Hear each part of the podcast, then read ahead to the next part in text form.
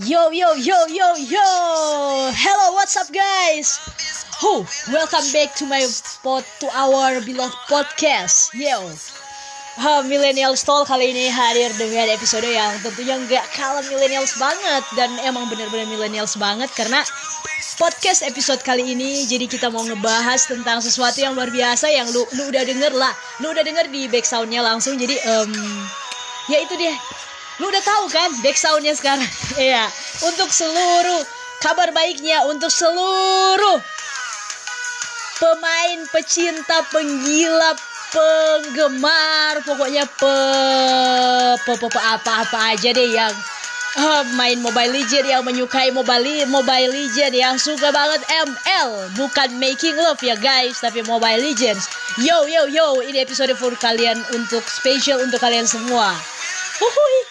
Yuk uh, dan spesial banget uh, di podcast episode kali ini gue nggak nggak hanya sendirian nih guys. Jadi gue ditemenin oleh seorang nih pemain seorang player Mobile Legend juga yang um, luar biasa. Luar biasa. Iya iya iya dia luar biasa bermain Mobile Legends ya. Dan kita mau bincang-bincang sama dia soal Mobile Legend ya um, gua di sini sambil gua izin ya teman-teman sambil minum susu coklat hangat di malam hari ini. Dan tentunya kalau kalian yang ingin ngopi-ngopi juga silakan. Seduh kopi kalian dan kita um, ngerumpi asik ya di sini. Kita ngerumpi asik. Heo ngerumpi asik. Yuk nah gue kita ngomong nyantai-nyantai aja sih sebenarnya di sini. Um, jadi gue awalnya gue tahu tentang Mobile Legend itu itu waktu waktu gue lihat teman-teman di tempat kerja gue itu lagi pada main Mobile Legend gitu. Gue lihat ih seru banget ya mereka mainnya ya. Um, sepertinya gitu dan bisa main-main bareng. Terus emang gue udah tahu sih Mobile Legends tapi um, ada hero-heronya. Tapi waktu itu gue masih belum move on dari COC guys waktu itu. Jadi waktu teman-teman gue main Mobile Legends waktu itu ha gue belum move on dari COC Aduh nanti gue bahas deh tentang pecinta COC tenang aja Setelah ini gue bakalan bahas juga tentang COC Tapi hari ini spesial untuk para pemain Mobile Legends, pecinta Mobile Legends, yo yo yo untuk kalian semua. Wow wow wow. Nah, gue lanjut. Nah, gue akhirnya um, putuskan untuk ngikut-ngikut aja sih karena teman-teman gue kan main tuh semuanya ya udahlah ya gue iseng-iseng terus download eh ternyata enak lo bermain tapi gue nggak bakalan sharing pengalaman gue sih di di per mobile legendan ya. Um, gue agak suka dengan sobat kita youtuber yang kece yang keren yang gokil banget. Kalian tahu lah ya yang hebat banget main Mobile Legendnya. Siapa lagi kalau bukan Just No Limit? Halo kak Just No Limit. Jangan lupa di support podcast gue hu hu hu ini baru kak Just No. Jadi kalau kak Just No kena tag ya. Kena tag Kak Jesno um, tolong disupport ya podcast ini ya Kak Jesno Limit. Terima kasih banyak. Oke okay. nanti Kak Jesno Limit deh. Kalau misalkan Kak Jesno Limit mau undang-undang deh gua tuh sesekali sesekali kita podcastan bareng. Iya ah, kenal salam kenal ya Kak Jesno Limit. Oke okay. nah gue lanjut nih teman-teman yang tentu yang suka tentang Mobile Legend ya jadi gue di sini nggak ngomong-ngomong sendiri aja. Jadi um, untuk mendemani ruang dengar kalian biar lebih gokil aja. Sendiri itu nggak baik loh guys. Jadi kita bener-bener adalah makhluk sosial yang tapi di wabah ini tentunya tetap harus jaga jarak ya. Tetap harus jaga jarak. Tapi gue udah menghadirkan seseorang yang bener-bener um, yang ngerti lah luar dalam dari Mobile Legends. Yo, siapa kita? Siapakah dia? Yuk, kita sapa yuk. Terus sahabat kita semua. Spesial untuk kalian pecinta Mobile Legends di malam hari ini. Yuk, um, halo, selamat malam. Halo, selamat malam. Oke, okay. um, suaranya rupawan ya guys ya. Kok jadi mirip Pak Mario Teguh ini? ini sebenarnya pemain mod, pemain Mobile Legend apa motivator sebenarnya? ya, saya suka dua-duanya. Oh, jadi dia suka dua-duanya. Tapi kalau kalau dia di sini harus lebih suka Mobile Legend ya? Ya, kayaknya begitu. Oke, okay, silakan. Selamat malam. Um, Bung, silakan perkenalkan nama nanti gue kalau gue nyebut ya nggak jadi perkenalan jadi biarlah dia mem memperkenalkan namanya sendiri ya teman-teman oke lanjut halo selamat malam podcaster nama saya Jai Dari Manado. Saya pemain Mobile Legend, tapi nggak jago-jago amat sih. Ya cuma main sekedar main saja. MVP juga agak jarang. Yang penting tahu-tahu dikit lah tentang. Um, dia bohong guys. Dia hampir setiap kali main hampir setiap kali MVP. aduh, aduh. Ini orang dia terlalu rendah hati guys. Jadi seperti itulah. Seperti itu mungkin dia memegang prinsip ilmu padi ya. Makin berisi makin merunduk ya. Enggak juga. Enggak juga. kita akan lanjut ya. Oke. Kita lanjut ya. Kita lanjut ya. Oke. Um, Bro Jai, udah gue panggil Bro Jai aja ya. Bro Jai, udah berapa lama nih main Mobile Legends? Baru 2 tahun. baru dua tahun wah itu kalau itu kalau anak udah imut-imut banget ya Hmm, kayaknya sudah bisa ngomong itu. sudah bisa ngomong bisa nyanyi-nyanyi juga ya Yap, bisa bahasa Inggris juga ya? yap, oh iya bisa main Mobile Legends juga yap. nanti berarti anaknya Bro Jai ini nanti em, jadi player MOBA ya Mhm. Oh iya oke lanjut lanjut lanjut. Em, boleh diceritain nggak ke sobat milenial? Gimana sih awal-awal kenal games Mobile Legend gitu? Karena sebagai informasi guys em, Jai ini mainnya jago banget loh guys. Walaupun dia mungkin belum seterkenal Kak Jess No Limit yang memang emang udah terkenal banget ya. Tapi bener-bener loh ini orang setiap kali main hampir selalu MVP loh guys gimana tuh? Uh, gimana awal? Jadi kita gua pengen tahu dan gua rasa semua sobat milenial yang mendengarkan ini juga pengen tahu dong. Lu kenal dari mana sih? Permainan ini pertama kali gimana awalnya lu bermain ini? Coba ceritain deh ke kita semua gitu. Kepo kita semua. Oke. Perkenalan pertama itu kayaknya dari Play Store. dari Play Store? Yap. maksud emang em, lu lu gak lihat iklan gitu di mana atau lu ngelihat mungkin kayak gue ya kayak gue lihat teman gue terus gue download deh iseng-isengan nah lu lu dari mana lihat iklan atau gimana gitu kan Oh, sebenarnya itu diajak teman sih. oh siapa yang ngajak Namanya Melki. Mel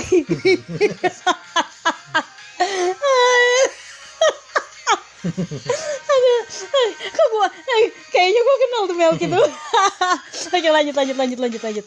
Em, terus em, diajakinnya gimana sampai lo tertarik gitu sama eh, main Mobile Legend? Nah, gini.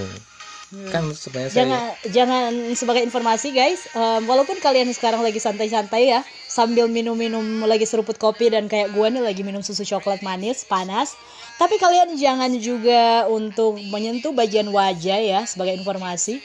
Jangan sering-sering menyentuh bagian wajah atau jangan sama sekali untuk menyentuh bagian wajah. Jadi segitiga di wajah itu ada mata, ada hidung, ya teman-teman. Jangan menyentuh-menyentuh bagian-bagian yang itu di wabah ini. Oke, pesan-pesan yang baik untuk kalian semua. Kita lanjut. Jadi pertanyaannya dari mana ken- em, kenapa bisa tertarik gitu Em, di apa yang membuat ajakan si Melhi menarik untuk Bro Jai sampai Bro Jai sampai download Mobile Legends-nya ayo. ya karena permainan ini katanya menantang. Five versus five player. Gak kayak COC yang tinggal tekan lepas dan troops-nya menyerang sendiri. Oh iya benar benar benar benar benar. Benar benar karena emang iya ya benar benar lanjut terus Terus begitu di download ya memang benar. Sempat main AoV juga sih. Sempat main AOV juga. Tapi di sini kita bahas tentang Mobile Legends. Nanti next kita main AOV ya. Kita bahas oh, main dulu. Jadi nanti next kita bahas tentang AOV oke jadi Jai ini mencoba semua banyak games guys. Jadi em, ya nanti kita akan bahas-bahas dari episode selanjutnya tentang games-games yang lainnya. Yo tapi sekarang kita bakalan bahas tentang Mobile Legends. Yo yo yo. Nah gue langsung aja ke pembahasan yang mungkin sedang ditunggu-tunggu para kaula muda yang mendengarkan ini em, biasanya kan di Mobile Legends tuh ada kan hero-hero kalian yang favorit-favorit banget kan?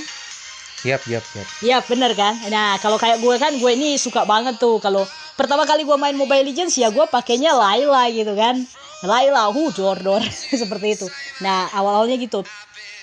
Dan em, setelah setelah itu gue sempat make apa tuh yang namanya? Gue nggak nggak hafal nama-namanya nih. Tapi Mia. yang bukan Mia yang itu kalau misalkan dia mati dia jadi putar-putar gitu putar-putar ada hero yang kalau dia mati masih hidup lagi gitu jadi masih bisa masih bisa nabrak-nabrak hero-hero lain dan darah-darah hero-hero lain berkurang Johnson Hero apa itu? Hero yang kalau mati jadi kayak telur putar-putar nih. apa hero apa itu ya? Aduh, gua lupa nih. Ini efek efek gua udah udah udah udah nggak udah udah udah udah apa ini? iya hero support Hero apa ya namanya ya? Ah, nanti nanti kita cari. Jadi PR ya, Bro Jai. oke Oke, kalau ada teman-teman yang bisa menjawab hero apa itu, oke, silakan dijawab dan hubungi di 0896 2739 6800 atau di Instagram at megariza underscore 1994. Untuk pemenang yang beruntung akan gua kirimkan em, hadiah-hadiah spesial dari gua. Jadi untuk untuk tiga orang pemenang yang beruntung akan gua kirimkan hadiah-hadiah spesial dari gua. Jadi em, kirimkan hero apakah itu yang tadinya yang gua tanya tadi. Jadi dia itu hero yang hero support kalau dia mati, dia itu kalau dia mati dia berubah kayak telur terus dia puter-puter, masih bisa apa nyerempet-nyerempet hero-hero lawan sambil sam- itu ngur-ngurangin darah loh dari hero-hero lawannya gitu. Jadi hero apakah itu? Itu jadi pertanyaannya ya. Jadi gua bakalan ngirimin hadiah untuk tiga orang yang beruntung. Jadi silakan untuk dikirimkan jawabannya sekali lagi di 089627396800 dan di @megariza underscore 1994. Oke, gua tunggu ya jawaban dari kalian semua. Yo, yep, kita lanjut lagi. Nah, Bung Jai, kita eh Bung Jai. Oh, enggak enggak Bung Jai, enggak Bung Jai. Di sini kita enggak bahas-bahasan yang oh, oh, oh. Di sini kita panggil Bro Jai aja biar lebih gaul gitu. Hey, Bro Jai, lu. Masih di situ kalau? iya hadir Masih ada ternyata. Oke. Jadi gini Bro Jai. Em, kalau gua kan sukanya pakai Laila sama hero yang tadi yang gua buat pertanyaan ya. Kalau dia mati masih bisa ngelinding-ngelinding kayak telur gitu. Nah, kalau Bro Jai itu sukanya pakai hero apa sih?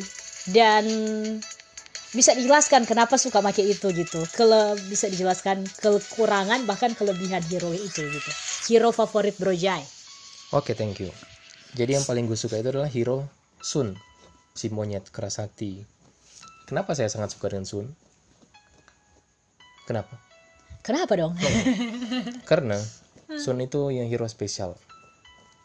Dia bisa memperbanyak diri dengan skill ketiga, skill satu, skill dua, dua bisa loncat menangkap musuh dan satu melempar dengan tongkat dan itu bisa menjadi eh, duplikat dari dirinya sendiri. Jadi Sun ini punya tiga apa? Tiga apa tadi? Skill. Tiga skill ya. Hmm. Oke, itu kelebihan-kelebihan Scoop apa Sun ya? Sun, Sun, ya. Oke, em, jadi sering-sering MVP dengan menggunakan spoon. Gimana sih? Bener gak? Ya, lumayan lah banyak yang MVP dengan 1500 match. 1500 match. Match. Wow, 1500 match menggunakan Sun dan banyak MVP ya. Oke, boleh kita tepuk tangan untuk berjaya teman-teman. Oh iya, iya, lanjut. Oke lah, lanjut lanjut. Iya, iya. Oke, kita mau lanjut nih. Selain hero-hero di Mobile Legends, selain Hero Sun ya, Hero Sun. Hmm, boleh nggak Bro Jai review sedikit tentang hero-hero Mobile Legends? Em, dan em, tips juga Bro Jai kan Bro Jai ini kan ahli dalam memainkan Hero Sun. Jadi boleh nggak tips untuk teman-teman pemain Mobile Legends yang mungkin baru memainkan Hero Sun?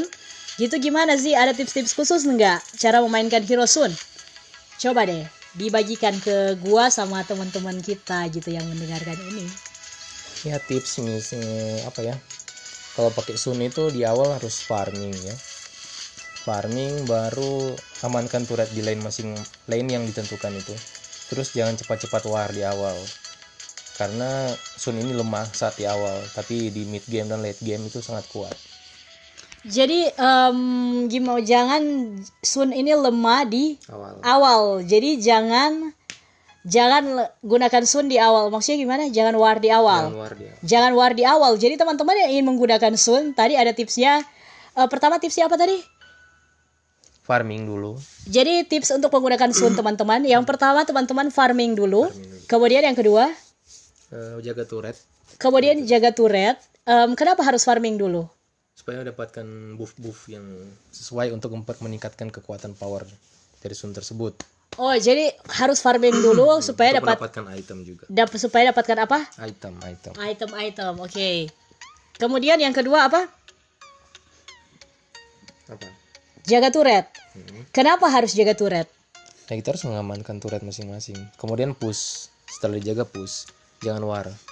Oh setelah jaga push dulu. Jadi jangan dulu war. Karena Sun ini lemah di awal ya. Lemah di awal. Jadi nanti war di akhir-akhir.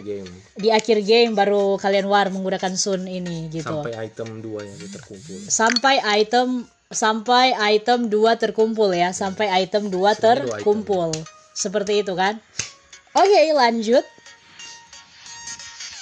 Em, setelah itu, setelah setelah menggunakan Sun, setelah menggunakan Sun,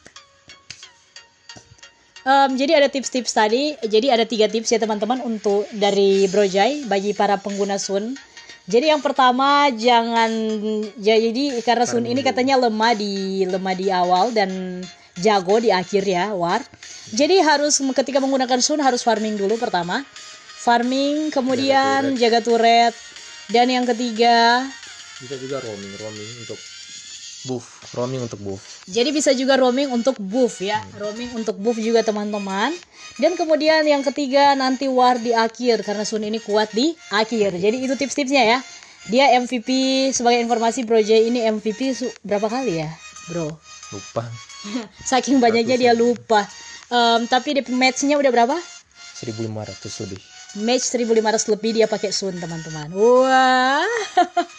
ya itu tangan dulu untuk Jadi 1500 kali Untuk- satu pertandingan itu sekitar 25 menit. 25 Oke. menit kali 1500. Sudah berapa jam tayang? Waduh. Banyak sekali ya. Hmm. Oke, jadi ini udah pengalaman dengan Hero Sun ya. Oke, Bro Jai. Tentunya em, selain mereview tentang Hero Sun, kira-kira ada hero lain nggak sih yang pengen Bro Jai review juga? Yang eh, kedua favorit lah yang biasanya Bro Jai pakai selain Bro selain Sun itu apa sih? Odets. Ya Odet. Oke, baik kita boleh ya review lagi tentang Odet ya, tentang Odet ya. Boleh, boleh, boleh. Em, coba jelaskan kenapa Bro Jai sangat suka menggunakan Odet ini. Apa kelebihan-kelebihan dari Odet ini? Odet ini skill tiganya begitu menyakitkan. Skill 3 begitu menyakitkan. Lebih menyakitkan dari diputuskan pacar. Lebih menyakitkan dari itu. Ditinggal pas sayang-sayangnya. Lebih dari itu. Ditinggal nikah. Lebih dari itu. Oh gimana? oh sungguh Lebih menyakitkan. sakit dari patah tulang. Lebih sakit dari patah tulang. Saya belum pernah rasa patah tulang dan tidak mau rasa patah tulangnya. dan boleh semoga dicoba, boleh dicoba. tidak mau. Oke kita lanjut. Jadi kita akan membahas tentang Odet lagi, guys. Jadi em, skill 3 dari Odet ini begitu menyakitkan kata Bro Jai. Bahkan lebih menyakitkan dari ditinggal pas sayang lagi sayang-sayangnya. Lebih menyakitkan dari diputuskan pacar dan ditinggal nikah. Oh my god, menyakitkan sekali skill 3-nya Odet. Lu kita dengarkan penjelasan dari Bro Jai kenapa itu bisa menyakitkan sekali seperti itu. Ya, emang dari developer game memang sudah buat seperti itu. Tapi kenapa bisa seperti itu? Saya juga tidak tahu. Loh kita kan nggak lagi kok drama Korea ya. Ntar pendengarnya baper loh. Oke kita lanjut aja. Jadi skill 3 dari Odet ini sangat menyakitkan alias mematikan guys. Oke. Ini sangat mengurangi darah ya. Hmm. Iya.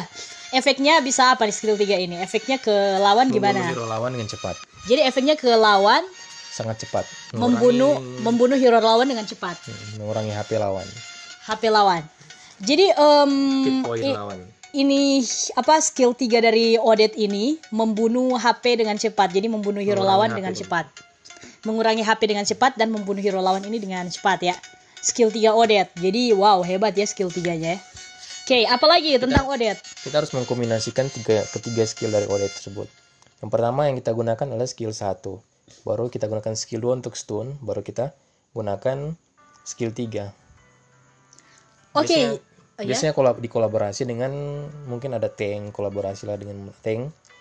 Biasanya pakai Johnson supaya saat ditabrak semua juga ke stun itu. Kemudian gunakan spell flame apa itu? Flame throw yang api itu untuk bisa mensun juga dan mendamage lawan. Kemudian gunakan skill 3. Oke, jadi teman-teman, em, jadi kombinasi harus ada kombinasi dengan skill 1, skill 2, skill 3 ya. Jangan cuma pakai skill 3 aja aja. Jadi tips tips tips sukses menggunakan hero Odet. Tips sukses menggunakan hero Odet ini bahwa teman-teman ini harus combine antara skill 1, skill 2 dan skill 3 teman-teman. Jadi em, skill satu itu digunakan untuk apa? biasa saja itu tapi agak Biasa. juga. yang skill 2 yang paling penting karena Skill bisa 2, skill 2 yang paling penting karena bisa apa? menstun stun lawan Jadi skill 2 yang di Odet bergerak. ini yang paling penting karena skill 2 ini bisa menstun lawan yang tidak ag- bergerak agar tidak bergerak ya. Jadi menstun Iya, lawan. Jadi skill 2 beberapa- ini membuat lawan itu nggak bisa bergerak, Satu detik, guys. satu detik Oke, seperti itu. sama. Terus yang skill ketiga gimana tadi? skill 3 Hmm. Menggunakan apa itu semacam wave begitu dan itu sangat menyakitkan bisa menyerang di area tertentu situ area area tertentu dari lawan Jadi skill 3 dan itu bukan cuma satu hero lawan bisa menyerang beberapa hero lawan yang Ya. berkumpul satu area jadi skill 3 itu sangat menyakitkan karena dia itu em, bisa menyerang bukan satu hero lawan tapi dia bisa menyerang lebih dari satu hero lawan yang berkumpul di satu area gitu teman-teman. Wih gile ya hebat banget ya skill 3 dari Odet ini teman-teman. Oke. Tapi Odet ini harus dikombine dengan tank ya. Bener kan? Jadi kalau pakai Odet itu aja? harus kombinasi dengan tank. Tank apa aja ya? Tapi lebih bagus Johnson. disarankan menggunakan Johnson. Iya kan tadi? Em, bisa kombinasi. Jadi Franco hero Odet ini bisa dikombinasi dengan tank apa saja.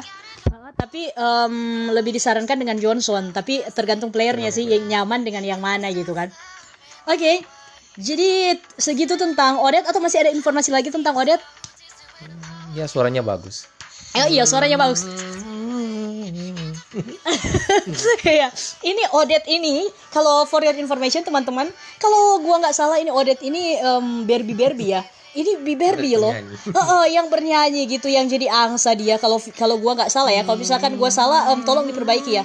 Tetapi kayaknya Odet ini ya yang gua pernah nonton dia yang di Barbie Barbie itu yang nyanyi-nyanyi ya. Gua kaget juga kok dia bisa di Mobile Legend dia gitu. Oke, lanjut ya. Oke, jadi untuk kalian para pecinta Mobile Legend udah di, udah di review dua hero loh. Tadi hero apa tadi yang pertama?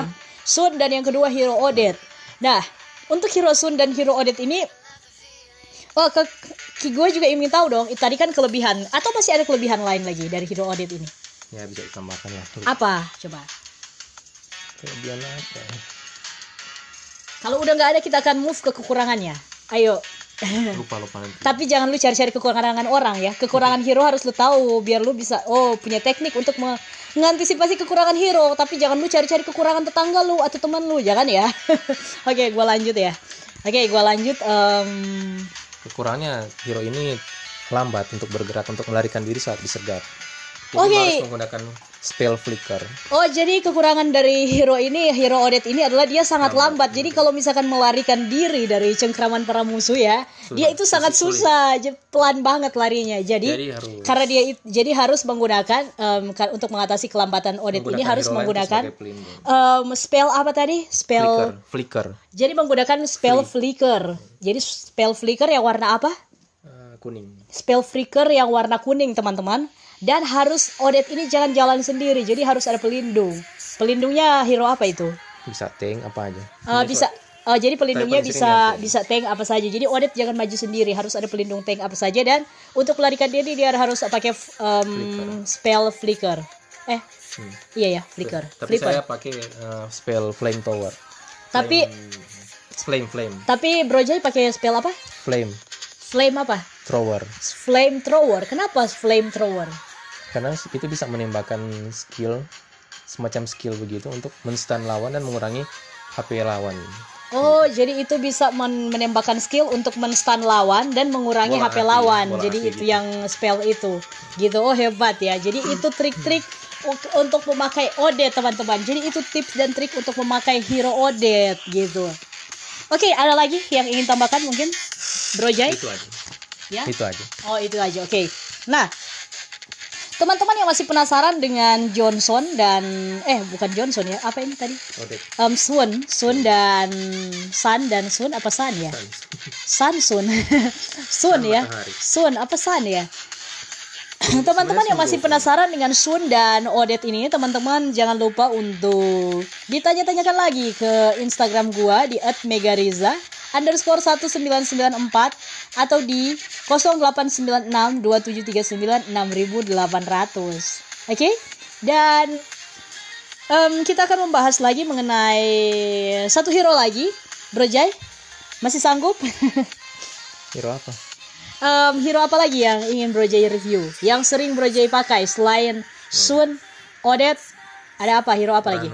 Ya, Uranus. Uranus itu tank ya, kalau nggak keliru ya. Hmm. Tank ya itu. Iya ya. Jadi kita bakal bakalan jadi em, kita bakal ngebahas tentang hero yang yang yang kat- yang genre yang modelnya tank ya. Genre apa itu namanya tuh?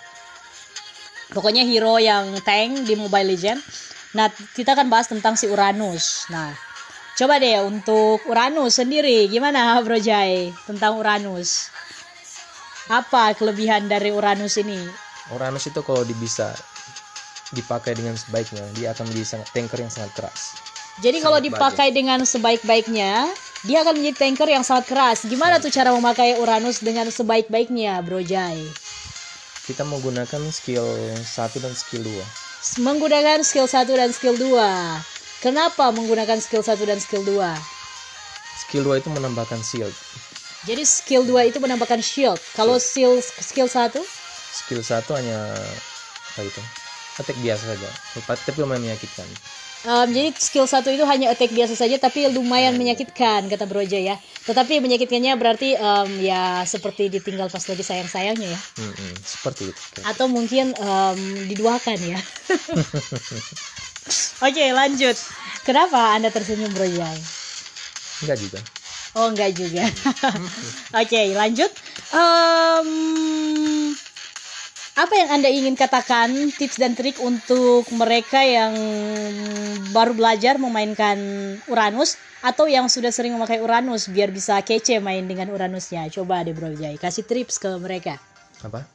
Kasih berikan tips ke mereka yang baru menggunakan Uranus ataupun yang sering menggunakan Uranus biar mereka makin kece mainnya gitu.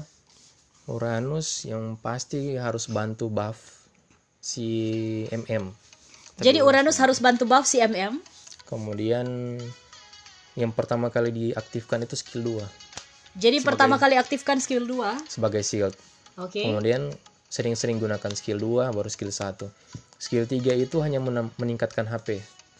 Meningkatkan HP biar darah bisa nambah. Darah bisa nambah terus kecepatan juga speed bisa bertambah untuk melarikan diri dari serangan musuh. Jadi kombinasi tiga skill itu. Jadi begitu. Gunakan skill 2 dulu, skill 3 kalau terdesak, tertekan, baru skill 1 juga untuk bisa melarikan diri supaya bisa meningkatkan peningkatan HP juga. Oke, gokil. Masih ada lagi, Bro Jai? Nah, itu aja. Kekurangan dari Uranus. kekurangan dari Uranus kayaknya selama gue pakai nggak pernah ada kekurangan Jadi hero Uranus ini nggak ada kekurangan menurut Bro Jai. Selama Bro Jai pakai ya, menurut pengalaman dari Bro Jai, pengalaman pribadi Bro Jai, em, Uranus ini nggak ada kekurangan ya. nggak ada kekurangan Oke, oke Bro Jai. Em, terima kasih banyak ya untuk telah meluangkan waktu untuk memberikan em, ngerumpi-ngerumpi dan memberikan tips dan trik ter- tentang penggunaan hero-hero Mobile satu Legend. Oh ada lagi? Oh ya silakan. menggunakan eh, spell yang apa itu Vegans Vegans biar saat diserang itu eh, damage yang diberikan kepada hero tank ini Uranus ini dapat meningkatkan damage juga untuk lawan. Jadi semakin diserang semakin berkurang damage eh, HP dari lawan tersebut. Oke, boleh kita berikan tepuk tangan untuk Bro Jai? Ya, sekedar info bahwa ya case ini tidak ada persiapan sama sekali dari saya.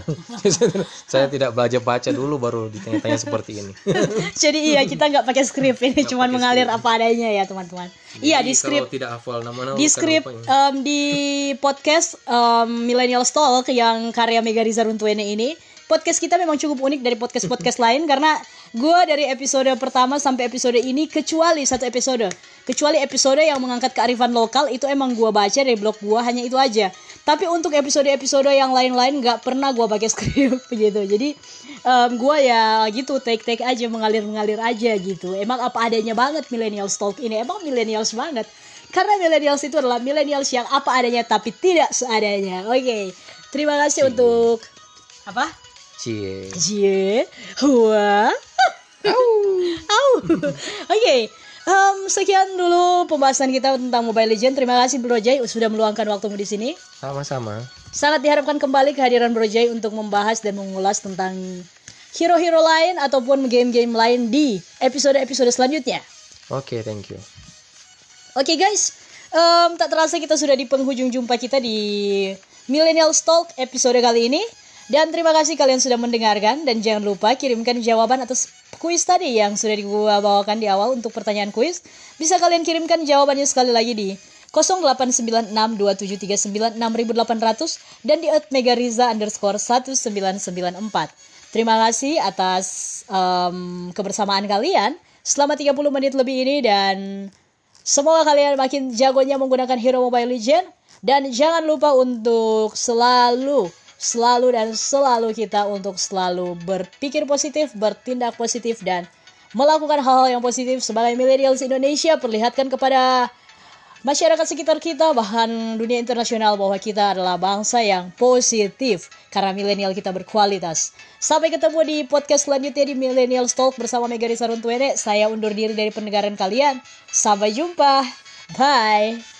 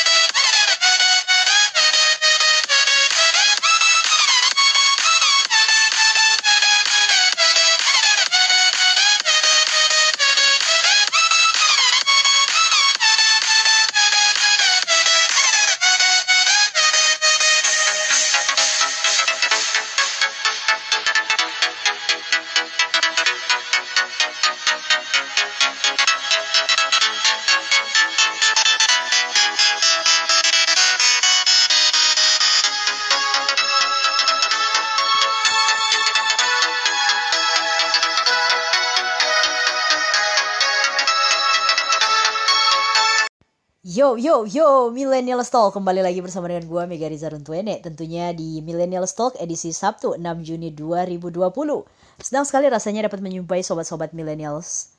Di mana pun kalian semua berada dan semoga gue berdoa untuk kalian semua dari tempat ini dari sejauh mana pun dan siapa pun yang udah ngedengerin Millennial Talk semoga kalian selalu diberikan kesehatan diberikan keberkahan yang berlimpah dari Tuhan yang Maha Esa. Oke okay, kali ini gue nggak gue bakalan ngebahas nih yang nggak jauh-jauh banget dari dunia kita ya. Di malam minggu ini um, yang udah bermalam minggu. Yang udah bermalam minggu ketemu sama gebetan. Hayo yang sementara bermalam minggu tapi pakai masker ya jangan lupa ya. Ini udah new normal kan? Udah berlaku kan new normal ya lah ya ya ya. Jadi kalau yang mau keluar ketemu sama gebetan ingat tetap jauhi perkumpulan. Jangan lupa pakai masker bawa hand sanitizer ya supaya kalian aman gitu. Kalau boleh pakai sarung tangan juga. Kalau supaya ketika memegang benda itu kan tetap safety ya. Jadi sarung tangan itu juga penting banget. Oke. Okay. Nah, oke okay, millennials yang gue sayangi semuanya. Kali ini gue mau gak bakalan ngangkat topik tentang um, tentang games juga, tapi gue nggak bakalan nge-review hari ini ya. Khusus hari ini gue bakalan ngejelasin, gue bakalan ngebahas sesuatu yang hangat-hangat, yaitu gue ngangkat topiknya tuh gue pikirin dulu. Apa tadi topiknya oke okay, topiknya adalah um, aduh udah lupa tadi. Apa tadi ya topiknya oh ini nih. Jadi games um, games itu sebagai um, hiburan hobi dan ajang kita untuk mendapatkan in income. Ajang kita untuk memperoleh penghasilan Nah, tapi jangan menggunakan games itu sebagai jangan membuat games itu menjadi dunia kita. Jadi jangan kita hidup di dalam dunia games gitu. Tapi kalau kita yang memanfaatkan gamesnya misalnya untuk cari hiburan sama mendapatkan uang dari situ ya berarti kita keren lah ya. Bener nggak? Ya bener dong. Tapi kalau misalkan kita menjadikan games itu sebagai dunia kita, nah itu dia yang cukup berbahaya. So, yuk kita mulai pembahasan kita hari ini. Yap, selamat datang. ya, kita akan bahas ya.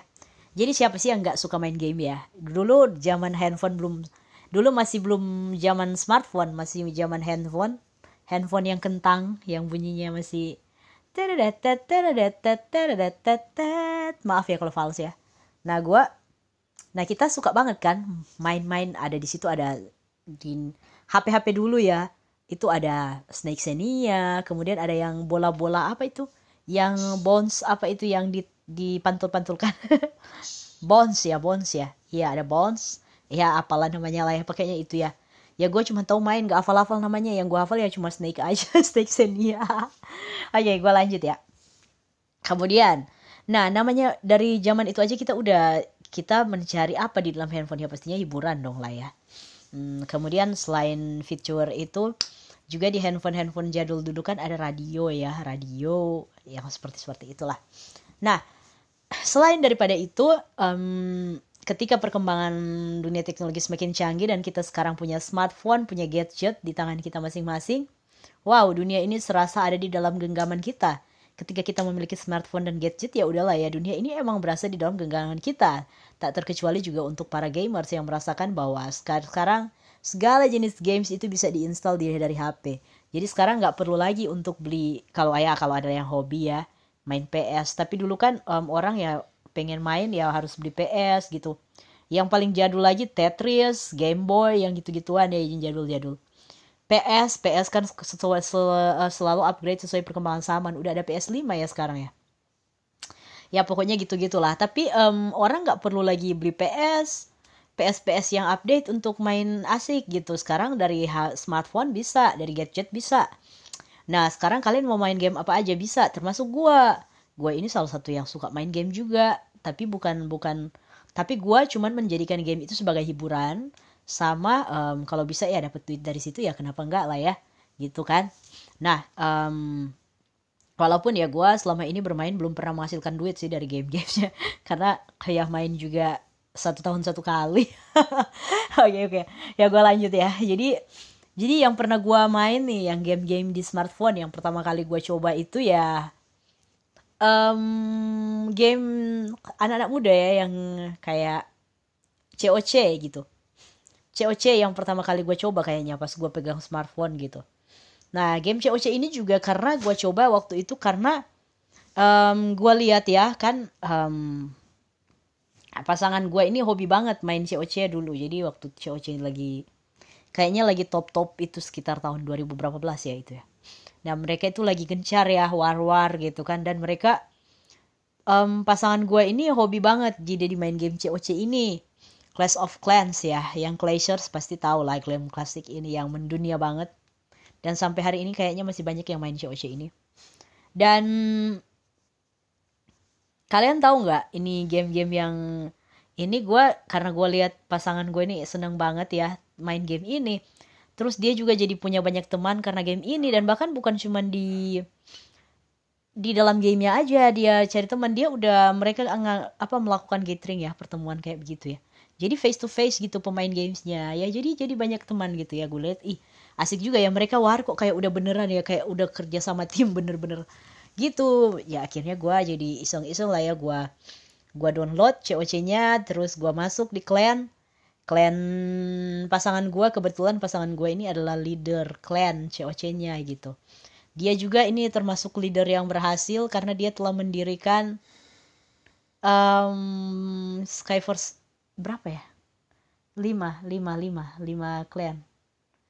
Empat clan. Jadi tunangan gue ini termasuk salah satu leader clan COC yang luar biasa karena dia telah mendirikan um, satu nama clan tapi dia buat sampai jadi empat karena empat clan karena saking banyaknya di clan yang kan itu kan ada batas anggotanya ya. Jadi itu clan karena udah full ya dia buat buat lagi gitu. Jadi ada banyak sekali. Aduh jadi dia termasuk salah satu leader COC yang sukses. Wes tepuk tangan dulu dong. Jadi karena pengaruh ya si gamers ini ya leader COC yang termasuk sukses di bidangnya ketika dia menggeluti itu. Ya jadi gue akhirnya punya pasangan gue nih. Jadi akhirnya gue ikut deh ikut ngedownload sih nih COC ini ya. Dan emang asik lah ya gitu mainnya awal-awalnya gue main terus biasa aja gitu. Ya gue pertama kali pertama kali lihat Archer sama Barbarian gue lihat iya apa ini? Di panah-panah ah ah. Bunyi-bunyi seperti itu ya. Seperti lucu banget ya. Uh, pokoknya yang kayak kayak gitulah. Terus gue pertama kali lihat Archer Barbarian gue pikir-pikir aduh ini apa lagi ini? Ya ampun itu awal-awal gue lihat. Tapi karena senang ya di dalam clan itu kan chattingnya rame tuh nah tunangan gue clannya chattingnya rame waktu itu jadi gue lihat-lihat gitu. Ih keren ya chattingannya. Wow gitu. Gitu-gitu deh.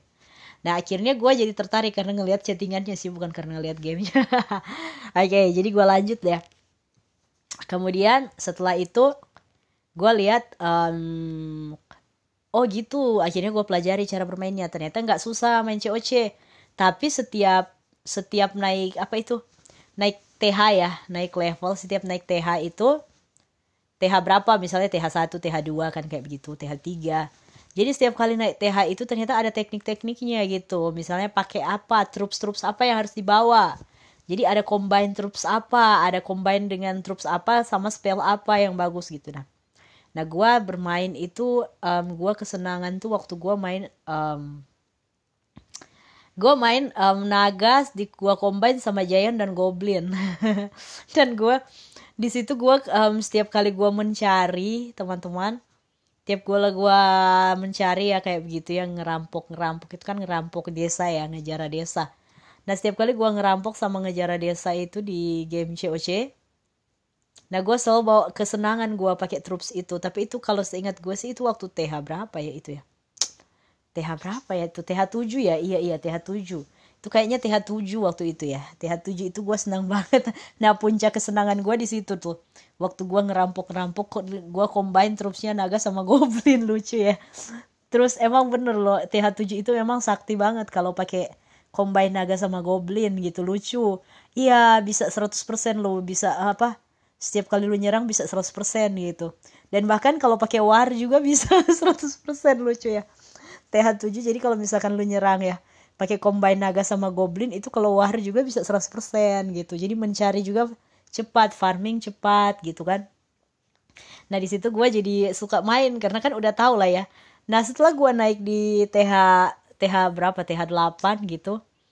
Um, ya otomatis gue karena ya udahlah ya um, kan teh gue sudah kesenangan kan pakai naga sama goblin nih buat farming sama buat war kan waktu itu TH7 pas naik TH8 oh udah udah beda. Ternyata udah udah nggak mempan juga. Udah dapat ketika farming udah naik udah dapat dapat lawan yang susah juga gitu. Jadi otomatis um, gue harus um, merubah merubah troops gue sama ngerubah ya itu deh. Susunan dan cara bermain gue gitu. Jadi ya akhirnya gue karena udah kesenangan ya gue nggak bisa move on dari itu akhirnya gue pilih berhenti deh main COC ya lucu ya. Ya benar lucu ceritanya gitu jadi gue ini cukup lucu cerita gue sama COC nah kemudian setelah COC itu uh, eh, gue berhenti dan um, muncul lagi game lain. Masih Clashers juga. Masih adik dari COC ini namanya Clash Royale. Ah teman-teman gue semuanya udah pada bermain Clash Royale. Yang kita biasa singkat CR ya Clashers. Itu kok kayak main kartu-kartu gitu ya kayak kartu Yugi gitu tapi bukan kartu Yugi ya. Dia keluarin kartu-kartu kemudian diserang. Sering kayak gitu ya kayak kartu-kartu ditindis deh um, troops yang ada model di kartunya tapi mirip-mirip lo troopsnya sama di COC gitu. Dikeluarin di situ dan dia kayak perang kayak di lapangan kecil gitu ya satu lapangan kecil gitu. Perang berhadapan gitu. Nah ya lucu sih um, Clash Royale. Ya udah yang Clashers Clashers pasti tau lah Clash Royale gitu. Terus pasangan gue ini gue iseng-iseng gue gue bilang eh download nih game baru bagus Clash Royale gitu. Clash Royale bagus gitu gue bilang ke dia dan akhirnya dia download ke game Clash Royale-nya. Nah akhirnya um, gue bermain seadanya aja. Eh dianya yang kecanduan gitu. Jadi keterusan lagi dia. Nah dia buat clan lagi gitu. Dia merintis clan lagi dengan nama yang sama di COC dan ya itu lagi. Dia selalu sukses dengan clannya ya teman-teman. Nah tapi gue cuman iseng-iseng aja sih nyoba-nyobain kayak begitu ya. Setelah itu muncul lagi apa itu? Mobile Legend ya Mobile Legend ML ya ML nggak tahu siapa yang duluan download ya kami dua. Oh gua kayaknya kali yang duluan download si ML ini tapi besar banget waktu itu kalau nggak salah gua. Iya ML besar banget Mobile Legends. Nah itu awalnya gua lihat ya teman-teman gua di sekolah itu. Udah pada main semua. Nah gua kalau gua ngelihat ya teman-teman gua di sekolah itu di waktu-waktu yang senggang gitu mereka udah udah udah ngelihat aja ke handphone gitu udah seru sendiri. Jadi udah main-main HP sendiri gitu. Udah main-main semua terus main Mobile Legend gitu. Gue lihat Ih, emang kenapa ya bisa seseru itu gitu? Iya mereka bilang iya bisa apa itu apa namanya bermain bersama gitu ya.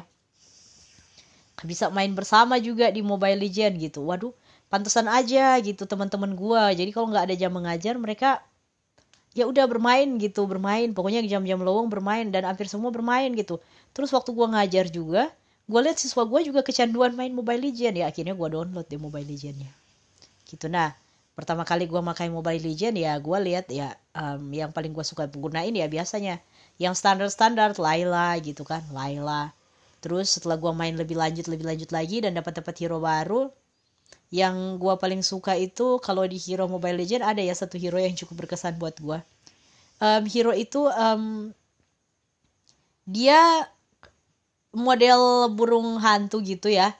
Jadi di burung hantu yang membawa semacam model apa gitu ya, kapak atau apa bukan kapak ya, martelu gitu, martelu, palu, palu. Jadi palu yang cukup besar, burung hantu yang membawa palu gitu. Terus dari palu itu dia bisa menembakkan ya gitu nah. Uh, terus dia yang gue suka dari hero ini lucu banget. Dia kalau mati dia dia jadi telur gitu. Jadi dia nggak balik ke hero support ya dia ini dia nggak balik ke apa yang das yang awalnya itu yang muncul ya. Kalau misalkan recall dia balik ke tempat semula. Dia nggak nggak back ke tempat semula. Nggak seperti itu dia. Jadi dia itu kalau mati emang dia berubah jadi telur. Kayak telur gitu. Ya jadi dikira begitu. Nah lucunya hero yang hero support ini yang waktu gue pakai setiap kali dia muter-muter gitu. Jadi dia kalau misalkan dia masih ngiterin muter-muter yang lawannya gitu ya itu masih berkurang darahnya walaupun dia udah mati gitu. Nah terus kalau dia hidup lagi dia masih bisa ngurangin juga darah lawannya. Nah setelah dia mati masih bisa itu yang menurut gue hero yang paling antik ya di Mobile Legend ya yang paling gue suka kayaknya nih. Nah seperti itulah ya. Kemudian muncul permainan yang menghebohkan um, yang mirip-mirip ya yang PUBG sama Free Fire dua permainan ini yang lagi ngeheboh banget sekarang yang lagi mendominasi ya bahkan um, sering banget dikompetisikan. Sering banget ada kompetisi ya. Selain Mobile Legends selain Mobile Legends sering banget ada kompetisi Free Fire sama PUBG gitu. Nah gue udah gue enggak download sih tapi pasangan gue download gitu. Jadi gue ngeliat sih dia dia bermain gitu kan tembak-tembakan gitu. Kayak game apa yang dulu ya di komputer itu? Ya kayak begitulah. Kalau PUBG ya mereka ingin makan ayam gratis kayaknya. Yang kayak kayak begitu. Kalau Free Fire itu ya yang gue lihat diterjunin dari pesawat. Kayak parasut gitu diterjunin ke satu tempat gitu buat perang. Ya kayak kayak begitulah tembak-tembakan gitu. Nah gue karena nggak terlalu suka menembak menembak seperti itu kan. Gue nggak terlalu suka yang tembak-tembak gitu jadi akhirnya gue memutuskan untuk ya udahlah ya gue lihat-lihat aja gitu. Dia bermain gitu kan. Nanti kalau misalkan gue mau review Free Fire sama apa tuh sama PUBG ya udahlah ya gue tinggal tanya dia aja tinggal review dari dia aja gitu. Dan gue muat di podcast gitu. Tapi ini yang pengen gue bahas ya tentang gimana ya setiap hari gue lihat orang-orang itu hidup di game dan itu nggak apa-apa juga. Karena ada yang katanya hobi ada juga yang sanggup main satu kali 24 jam. Cuman main game. Ada yang hobi. Dan ada yang uh, memang jadikan itu sebagai profesi. Misalnya para pemain e-sport ya. Yang memang udah players yang ngikutin yang sudah mengikuti kompetisi-kompetisi berbagai macam kompetisi e-sports. Itu pastinya ya emang udah kece banget. Udah udah memang udah keren banget gitu. Dan itu mendapatkan penghasilan. Dan memang mereka ya harus fokus ya kan di situ jadi itu hobi yang dibayar ya. Mungkin mereka hobi main game dan mereka mengikutkan itu dalam kompetisi mereka mendapatkan uang. Dan itu tindakan yang positif. Tapi gue cuma mau bilang ya untuk teman-teman yang bermain game nggak ada arah. Cuma sekedar untuk yang penting udahlah ya buang-buang eh, ngehabisin waktu kayak begitu. Gue cuma pengen bilang bahwa um, itu keliru ya. Kalau misalkan kalian main game untuk sobat muda kalau kalian main game untuk um, hiburan semata ya atau untuk um, apa itu? Mendapatkan uang mendapatkan income dari situ wah berarti kalian keren. Tetapi kalau misalkan kalian bermain game karena kecanduan dan kalian tidak mendapatkan apa-apa dari situ entah faktor hiburan ataupun faktor kalian mendapatkan income dari situ dan kalian cuman karena kecanduan gue cuma mau bilang itu kalian kok sia-sia banget ya gitu kan? Buang-buang waktu gitu. Kenapa mau kecanduan seperti itu. Nah gue cuma pengen bilang bahwa kalau kalian bermain game menjadikan itu sebagai hiburan ya itu oke lah ya itu sah-sah saja. Seperti itu. Tapi kalau misalkan kalian menjadikan game itu sebagai dunia kalian dunia kalian artinya kalian kecanduan di situ. Hidup seolah-olah di dunia game seperti itu. Nah itu akan membawa begitu banyak dampak-dampak negatif untuk kalian gitu. Dan bahkan gamers-gamers ini ya kalangan-kalangan yang sangat susah tidur gitu ya. Kalian bayangkan juga karena saking kecanduan kalian kalian main game satu kali 24 jam Bayangkan gue nggak sambil ngeliat pernah ngeliat ada yang main ambil sambil main game itu sambil disuapin karena saking nggak mau lepas dari game itu satu kali 24 jam itu merusak kesehatan kalian loh. Pertama merusak apa? Mata kalian. Kan mata berjam-jam di depan biasanya main game ya di depan layar di depan layar monitor ya kalau di PC sama atau mungkin di depan layar smartphone itu benar-benar nggak akan ngeganggu kesehatan mata kalian gitu. Yang kedua, terlalu lama berkonsentrasi seperti itu dan kurang minum ataupun kurang makan, kurang bernutrisi itu bahaya banget. Yang ketiga, um, terlalu banyak duduk, apalagi duduk satu kali 24 jam, itu bisa menimbulkan berbagai macam penyakit ke kalian. Salah satunya penyakit ginjal dan berbagai penyakit-penyakit lain yang kita nggak sama-sama nggak mau itu terjadi gitu. Kemudian terlalu lama di depan game itu bisa mengebuat lo itu jauh dari orang-orang sekitar lo, keluarga lo gitu. Waktu lo yang tersisa banget di game tersita banget di games itu membuat lu jadi jarang komunikasi sama orang-orang tersayang. Malah fokus lu cuma di game aja gitu. Nah itu benar-benar merugikan banget kan sobat? Kemudian terus lagi kalau misalkan udah gitu di dalam games itu kalian yang nggak biasanya misalnya kan kalau di games kan orang-orang kan kadang-kadang main sambil main sambil maki-maki gitu kan. Kata-kata yang jelek-jelek semua keluar di dalam game itu sambil maki-maki orang itu udah biasa gitu. Kalau emosi sama marah itu udah saling maki-maki itu kayaknya biasa gitu. Typing typing makian kemudian emosinya juga tersulut di game itu nggak baik loh kayak begitu. Kalian nggak sadar bahwa kalian itu udah kena di mental kalian gitu. Terlalu banyak main game online itu kena di mental juga kalian. Jadi dan itu ketika kalian yang nggak biasanya mungkin nggak biasa maki-maki karena udah kebiasaan jadi akhirnya jadi bisa memaki gitu mengeluarkan kata-kata kasar kata-kata kotor dan itu bener-bener udah ya udah ngerusak banget karakter kalian gitu pribadi kalian kan. Nggak enak lah kalau kayak begitu ya. Tapi kalau misalkan kalian main game ya kalian main game misalnya kayak kayak um, gue contohin ya orang yang hebat tuh salah satu orang yang hebat yang bermain game tapi dia menghasilkan itu seperti just no limit. Nah gue bilang dia hebat kenapa karena dia bermain Mobile Legends dia menghasilkan uang dari situ dari hobinya dia dia jadi just no limit ini menghasilkan uang dari hobinya dia dan dia masukkan juga di youtuber jadi hobi main gamenya itu dia lakukan sebagai hobi dan sekaligus untuk menghasilkan uang. Wow, itu keren banget loh. Jadi hiburannya dapat, hobinya dapat, duitnya dapat gitu. Ah, kuota kok kuota ya udahlah ya, biasa aja. Tapi coba deh kalian bandingin sama kalian yang setiap hari kalian ngabisin waktu satu kali empat jam. Kalian bayangkan ya, hobi iya. Tapi duit nggak dapet Terus minta-minta kalau misalkan yang masih sekolah, masih minta-minta duit sama orang tua. Terus isi-isi kuota buat main game gitu. Nggak dapat duit tapi minta-minta duit ke orang tua gitu. Um, nggak ada keinginan untuk belajar lagi. Nggak ada komunikasi sama orang-orang di sekitar kalian. Tidur larut malam setiap hari. Oh, tidur larut malam bisa mati. Kemudian mental kena karena marah udah jadikan dunia kalian kan. Jadi kalian marah, kalian emosi kalian semua tersulut di situ. Kalian seperti hidup di dalam permainan itu gitu. Kalian sudah membuat itu menjadi dunia kalian. Nah itu yang bahaya, yang pengen gue bilang itu yang bahaya yang seperti itu. Coba deh kalian ngejadiin itu sebagai sarana hiburan sekaligus untuk menghasilkan. Ya itu nggak apa-apa lah ya. Kalau untuk menghasilkan pasti kalian akan ingat makan, ingat jam istirahat, ingat orang-orang tersayang, seperti itu. Jadi bukan kecanduan, tetapi kalian memainkan itu karena kalian ingin mencari hiburan atau sekedar hobi kalian atau mungkin kalian ingin mendapatkan penghasilan. Seperti yang udah gue contohin seorang yang keren banget Just No Limit ya.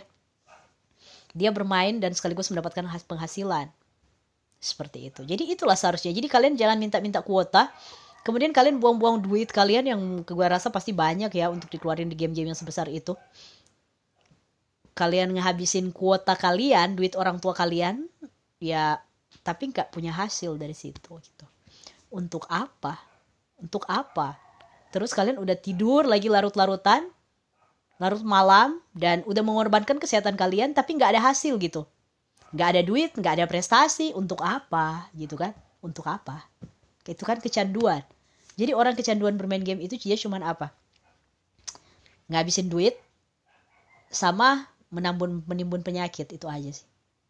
Tapi orang yang ingin berkreasi di dalam games itu mereka menghasilkan duit dan tahu waktu istirahat tahu waktu makan tahu memberikan waktu untuk orang-orang tersayang. Ya itu yang bijaksana sih. Dan yang paling penting tahu bahwa dirinya di dalam situ itu bukan dunianya. Jadi emosi tidak akan tersulut dan dihabiskan di situ. Kemudian tidak akan ikut-ikutan orang-orang yang sering menggunakan kata-kata kasar, memaki dan sebagainya. Karena itu merusak generasi. Karena banyak anak-anak muda yang sekarang berpikir bahwa oh iya biasa-biasa aja kita. Misalnya mengeluarkan kata maaf ya, gue ucapin anjir N J I R R. Itu kan gak baik ya. Bener gak? Maki kan itu, itu biasa loh jadi kebiasaan anak muda karena main game gitu. Nggak sadar di dunia nyata eh anjir anjir loh. Kan aduh kenapa? Itu kan itu maki loh kata-kata makian yang udah dibiasakan karena dari situ jadi jangan rusak mental kalian seperti itu buat game itu jadi penghasilan tapi jangan sampai kalian kecanduan seperti itu ya. Jadi kalau kalian mengeluarkan kuota 100 ribu misalnya setiap bulan kalian harus um, bisa ngebuat oke okay, gue ngeluarin satu bulan ini 100 ribu tapi gue bakalan ngedapatin satu juta satu bulan ini. Jadi gue bakalan balikin deh ke ortu gue gitu. Dua kali lipat lah kalau ortu kasih seratus ribu ya udahlah ya gue kasih dua ratus ribu untuk ortu tapi kalau lu baik ya lu kasih lima ratus ribu aja ke ortu ya. Pokoknya kayak begitulah terserah lu. Jadi kalau misalkan lu minta duit sama ortu misalnya di awal bulan oke okay, minta duit kuota mah pak seratus ribu. Ya oke okay lah ya lu ngehasilin dong. Di akhir bulan itu ya minimal lu dapat satu juta gitu dari game itu dan lu balikin dia sama ortu gitu. Asik kan? Dan plus jangan pernah kehilangan komunikasi sama orang tersayang. Karena kan kita tahu kan orang-orang tersayang itu nggak selamanya ada di bumi gitu. Ya jangan lu udah kesenangan sama dunia lu sendiri dibodohin kan gitu. Tiba-tiba siapa yang kita nggak tahu kan seperti itu. Jadi bijak-bijaksana lah aja dalam bermain game ya. Akhirnya yang paling bijaksana itu ketika lu bisa memanfaatkan gamenya gitu.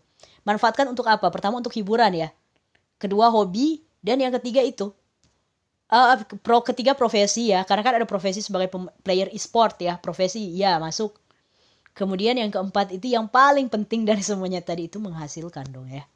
Gitu. Jadi kalau lu keluarkan kuota 100 ribu ya otomatis lu harus berpikir.